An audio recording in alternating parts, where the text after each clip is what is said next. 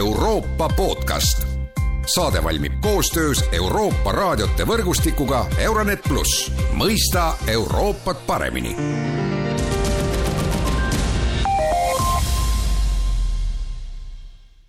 tere taas kuulama Euroopa podcasti. Eesti eesistumise OSCE-s on blokeerinud Venemaa ja järgmise aasta eesistujaks on tõusmas Malta. Miks ikkagi nii ja kuidas üldse peaks Eesti OSCE-s käituma, sellest on täna kõnelemas välisminister Margus Tsahkna, tere päevast! tere päevast! mina olen Erkki Paavski ja teatavasti Venemaa blokeerib ka muid asju, eh, mitte ainult siis Eesti eesistumist järgmiseks aastaks, vaid ka seda, et see organisatsioon saaks üldse tegutseda, Rahvusringhäälingu portaal viitas mingisugusele kompri-, kompromissile USA ja Venemaa vahel, millega siis eh, on tõusmas eh, OSCE eesistujaks mitte Eesti, vaid Malta, välisminister Saakna, mis on teie kommentaar, kas selline kompromiss üldse aset leidis ja, ja kui see leidis, siis on ju väga paha, et selline diil tehti? tõepoolest, äh, Eesti on olnud ju OSCE eesistuja kandidaat järgmiseks aastaks juba aastaks kakskümmend kakskümmend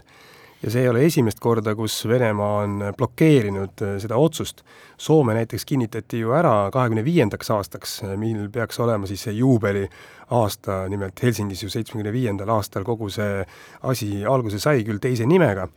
aga no Venemaa eesmärk ongi see, et äh, blokeerida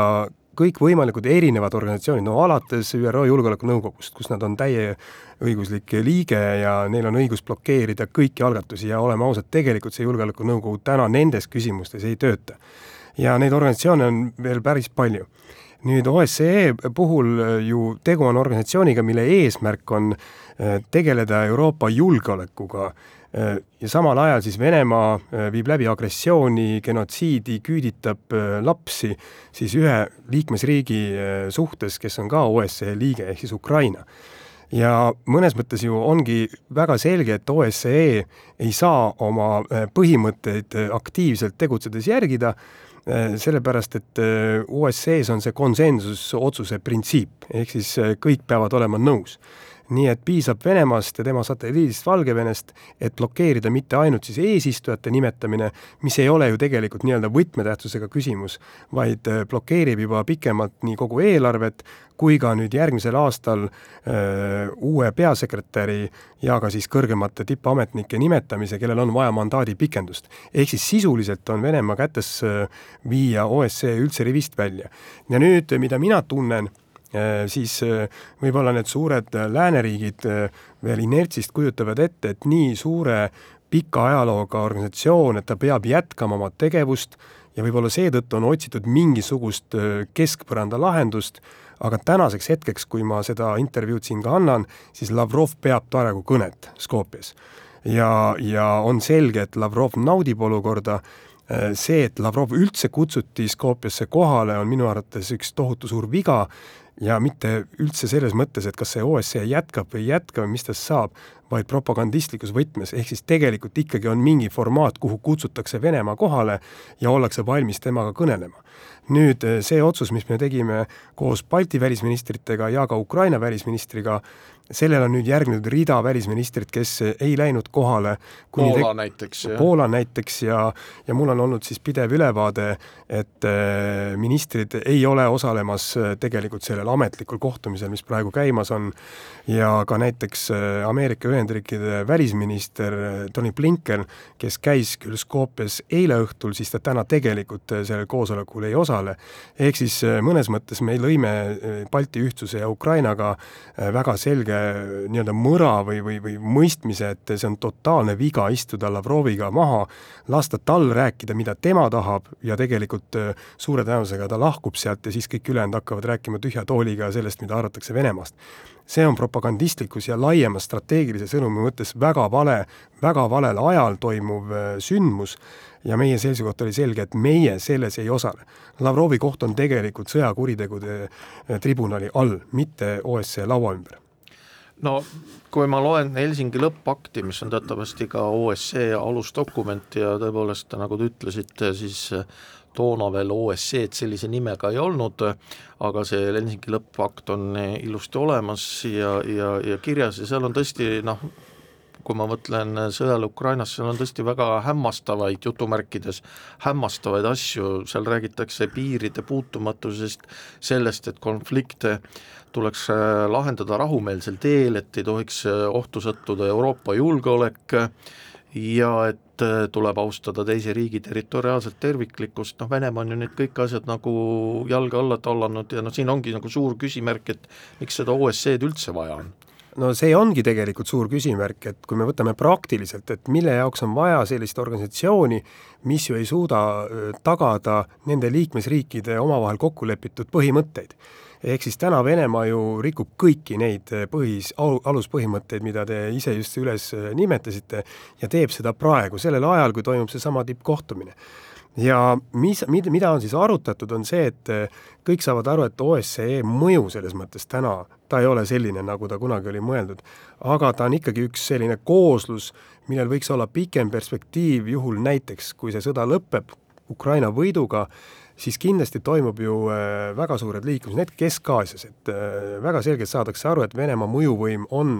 vähenenud ja võib-olla on see, on organisatsioon, millega saadakse hõlmata neid riike, näiteks see on üks, üks põhjus olnud, mikspärast ka äh, siin pingutatakse, et OSCE päris välja ei sure. ja sellega oleme meie ka nõus aga nüüd on küsimus, et mis konteksti see tänases päevas asetub, konkreetsed sündmused, siis äh, see, ma arvan, et ei ole üldse hea sellisele lääne ühtsusele, kui äh, keegi istub Lavroviga laua taga ja arutab nii-öelda Euroopa julgeoleku küsimusi ja samal ajal äh, siis Lavrov, Venemaa esindaja, lihtsalt noh, õigustab kõike seda, mida ta teeb OSCE laua taga, nii et see kindlasti devalveerib või, või, või kahjustab oluliselt kogu selle organisatsiooni mõjuvõimu. Aga see konsensuse küsimus, no lihtsalt siin tekib lihtsalt selline kiuslik mõte, et kui ka OSCE-s on vaja konsensust mingite otsuste jaoks, siis võiks ju Eesti ka blokeerida midagi. Jaa, see mänguteooria on ka, mille, mille me oleme ju väga korduvalt läbi mõelnud, et teoreetiliselt oleksime olnud, võinud olla meie need, kes siis blokeerivad noh, näiteks Maltat, on ju aga samal ajal, mis poliitilist eh, rahvusvahelise poliitika kasu me oleksime sellest saanud, sest et ju küsimus on selles, et mis sellest OSCE-st saab. ja nüüd eh, teine on ka see võib-olla, mille peale mina kui välisminister mõtlesin, et eh, meie oleme saavutanud äh, nii-öelda, me oleme jätkuvalt tegelikult Euroopa Liidu ühiskandidaat, äh, kui mitte järgmiseks aastaks ja kui see OSCE jätkub, siis me selle eesistumise saavutame kindlasti ühel hetkel. sõltub muidugi,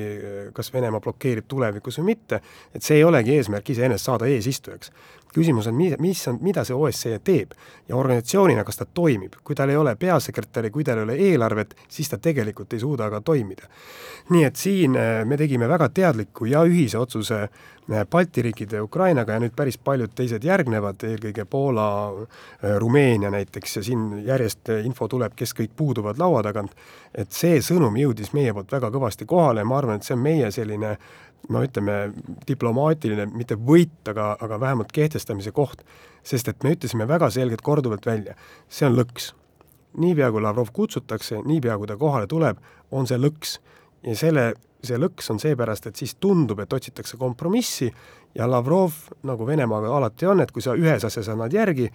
siis see on juba tema oma ja hakkavad nullist pihta uued läbirääkimised. tänaseks hetkeks ei ole kokku lepitud seda, mis saab tegelikult organisatsiooni juhtkonnast, mis saab tegelikult eelarvest. ma ei usu, et seda kokkulepet ka tuleb nii et eh, noh, tegelikult Venemaa ähvardas Eesti blokeerimisega, aga, aga isegi kui Eesti kõrvale astub,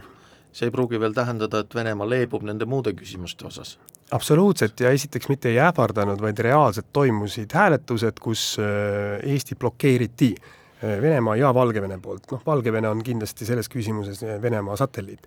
ehk siis meie võimalus saada eesistumi, ees, eesistujaks, seda noh, seda ei ole hetkel, seda peavad kõik tunnistama, sest et meid on juba ära blokeeritud väga selgelt. Nüüd on küsimus, et kas kuidagi liigutakse edasi, no ja siis oli arusaamine seal väga paljudel erinevatel riikidel, et näiteks, et Malta võiks olla äkki see kompromisskandidaat, aga see ei taga tegelikult selle organisatsiooni funktsioneerimist ja no siin ongi see minu küsimus ja noh, tegelikult te vihjasite sellele ka varem, et et kas siis Eesti ja noh, võib-olla ka teised eh, riigid, kes eh, Venemaa tegevust Ukrainas hukka mõistavad, peavad leppima siis sellise pooliku OSCE-ga, et nagu öeldakse, et parem pool muna kui tühi koor, et meil on ikkagi võib-olla olulisem see, et see OSCE mingis formaadis jätkaks, aga, aga mitte iga hinna eest no on neid perioode ka olnud ajaloost, kus OSCE on olnud nii-öelda jää peale pandud, et ta aktiivne tegevus ei ole sellisel kujul toiminud. ja ega suure tõenäosusega see selles suunas liigub mina Eesti välisministrina võin öelda, et me ei tee erilisi jõupingutusi selle nimel, et, et praeguse nii-öelda agressiooni ajal konsensusotsuse printsiibil kuidagi OSCE käima tõmmata küsimus on selles, et eh, kas ta säilib sellisel kujul, et mingil ajal, kui seda on võimalik kasutada, siis mitte Euroopa Liidu ja sama, samamoodi mõtlevate riikide suhtes, aga just nimelt nende nii-öelda kõikuvate või potentsiaalsete nii-öelda Venemaa mõjusfäärist ära tõmbavate riikide suhtes kasutada selleks suhtlusvahendiks ja tegelikult OSCE-l on päris palju erinevaid missioone, mis teevad päris, päris nagu head tööd nendes regioonides, inimõiguste teemal, demokraatia teemal ja nii edasi. aga täna on selge, et Venemaa kasutab oma oma võimu äh, just nimelt konsensuspoliitika võtmes ja on võimeline seda tööd blokeerima. Välispoliitika diplomaatia on selline valdkond, äh, kus neid võitjaid ja kaotajaid on väga keeruline leida, noh, siin on ju ka pakutud, et Eesti on kuidagi kaotaja, et eesistumist enam ei, ei, ei tule aga ma viiks korra selle jutu Põhja-Makedooniale, kus siis see OSCE välisministrite kohtumine aset leiab ja kuhu on siis kutsutud tõepoolest ka siis Vene välisminister Sergei Lavrov kas, kas Põhja-Makedoonia ka mõtles enne, kui ta sellise Lavrov, kui ta Lavrovile kutse esitas, selles mõttes, et ka ma ütlen, kogu see protsess, et Lavrov üldse sinna Põhja-Makedooniasse saaks, siis pidid ju mõned Euroopa riigid ju lubama oma õhuruumi avamist, eks ole, et Lavrov sinna pääseks, mis on ju ka suhteliselt absurdne, et, et meil on Euroopa koostöö julgeoleku, julgeolekuorganisatsioon, mis siis peaks ühendama neid riike, aga, aga kõigepealt äh, selgub, et äh, kuhugi riiki üldse väga hästi ei pääse ja kui siis pääseb, äh, siis, siis noh, teised riigid nagu Eesti, Läti, Leedu ja Poola ja noh, mõni riik veel, ei, sinna ei lähegi, et aga Makedoonia, Põhja-Makedoonia, miks ta üldse seda tegi? no ma ei usu, et Põhja-Makedoonia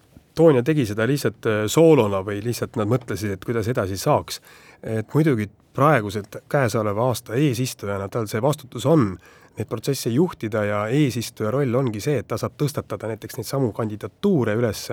ka nii-öelda üksinda, aga mida ma kindlasti tundsin kõik need kuud, on see, et et see nii-öelda vana maailm ka suured riigid, mitte ainult Euroopa, Ameerika Ühendriigid ja paljud teised, see inerts on ikka tohutu suur, on ju, et see organisatsioon on seitsmekümne viiendast aastast peale nii-öelda alguse saanud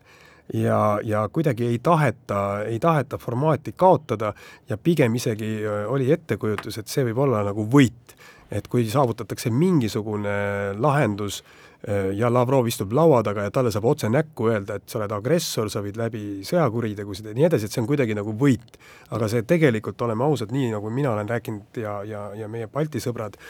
et see ei ole mitte võit, vaid äh, me oleme olukorras, kus me peame järsku selgitama läänemaailmale, mis me, miks me istume Venemaaga laua taga, äh, seda ei ole võimalik selgitada, nii et see on ka põhjus, miks me äh, nii-öelda väga selgelt oma sõnumi andsime. aga nagu te ka nägite, siis Bulgaaria ei lasknud läbi oma õhuruumi Lavrovi lennukil tulla, aga Kreeka lasi nii et eh, ega Euroopas on ka erinevad suhtumised, nagu me näeme ka noh, erinevates teemades, kas või sanktsioonipoliitika on võib-olla see kõige praktilisem näide, et on väga erinevad suhtumised, et eh, näiteks Kreeka enda suhtes, et eh, teatud tingimustel ju ikkagi meri on avatud ja, ja merekaubandus käib, nii et see ongi see maailm, kus me elame. No OSCE on varjusurmas, ütleme siis niimoodi, aga kas võiks mõelda siis mingisugustele uutele julgeolekuformaatidele, no meil on NATO, Euroopa Liit, aga OSCE tõesti ühendab ka riike, mis ei ole NATO ega Euroopa Liidu liikmed, aga mõtlen julgeolekuformaat ilma Venemaata tõepoolest, ka mina koos Balti riikide välisministritega oma avalduses ütlesime välja, et tegelikult millega me peaksime tegema, tegelema, on ju Euroopa julgeolekustruktuuri uus ülesehitamine Venemaa vastu. seda ei ole võimalik teha koos Venemaaga, see on ju ilmselge ükspuha, millised tulemused on nii-öelda sõjas Ukrainaga, Venemaa jääb sõjaliseks ohuks, Venemaa jääb agressorriigiks väga pikaks ajaks meie regioonis ja selline roosade prillidega mõtlemine, et, et elame kuidagi sõbralikult, see lihtsalt ei tööta. Ja tõepoolest noh, ma ei ole väga entusiastlik mingite uute formaatide suhtes, pigem on siin küsimus Euroopa Liidu laienemises, siin on küsimus NATO laienemises ja see arusaamine on, et hallid tsoonid Venemaa naabruses ei tööta. see on jõudnud kõigile kohale. ja see on jõudnud ka väga märkimisväärselt kohale näiteks Rootsi inimestele, kes üle kahesaja aasta olid nii-öelda seisukohal, et nad on neutraalsed, ehk siis nii-öelda hall tsoon. Isegi nemad on otsustanud NATO-ga liituda ja seetõttu, mida me ka väga aktiivselt toetame, et see laienemispoliitika mõlemal organisatsioonil, nii Euroopa Liit kui ka eelkõige NATO, kes on julgeolekutagatis, oleme ausad, ainuke töötav julgeolekutagatis, et see võib olla see formaat, kus see noh, nii-öelda kahepoolne maailm hakkab elama. et seda usku kellelgi ei ole, et hõlmame Venemaa positiivselt, seda ei ole võimalik teha aitäh, Margus Tsahkna stuudiosse tulemast, see oli tänane Euroopa podcast, kõike head ja kuulmiseni!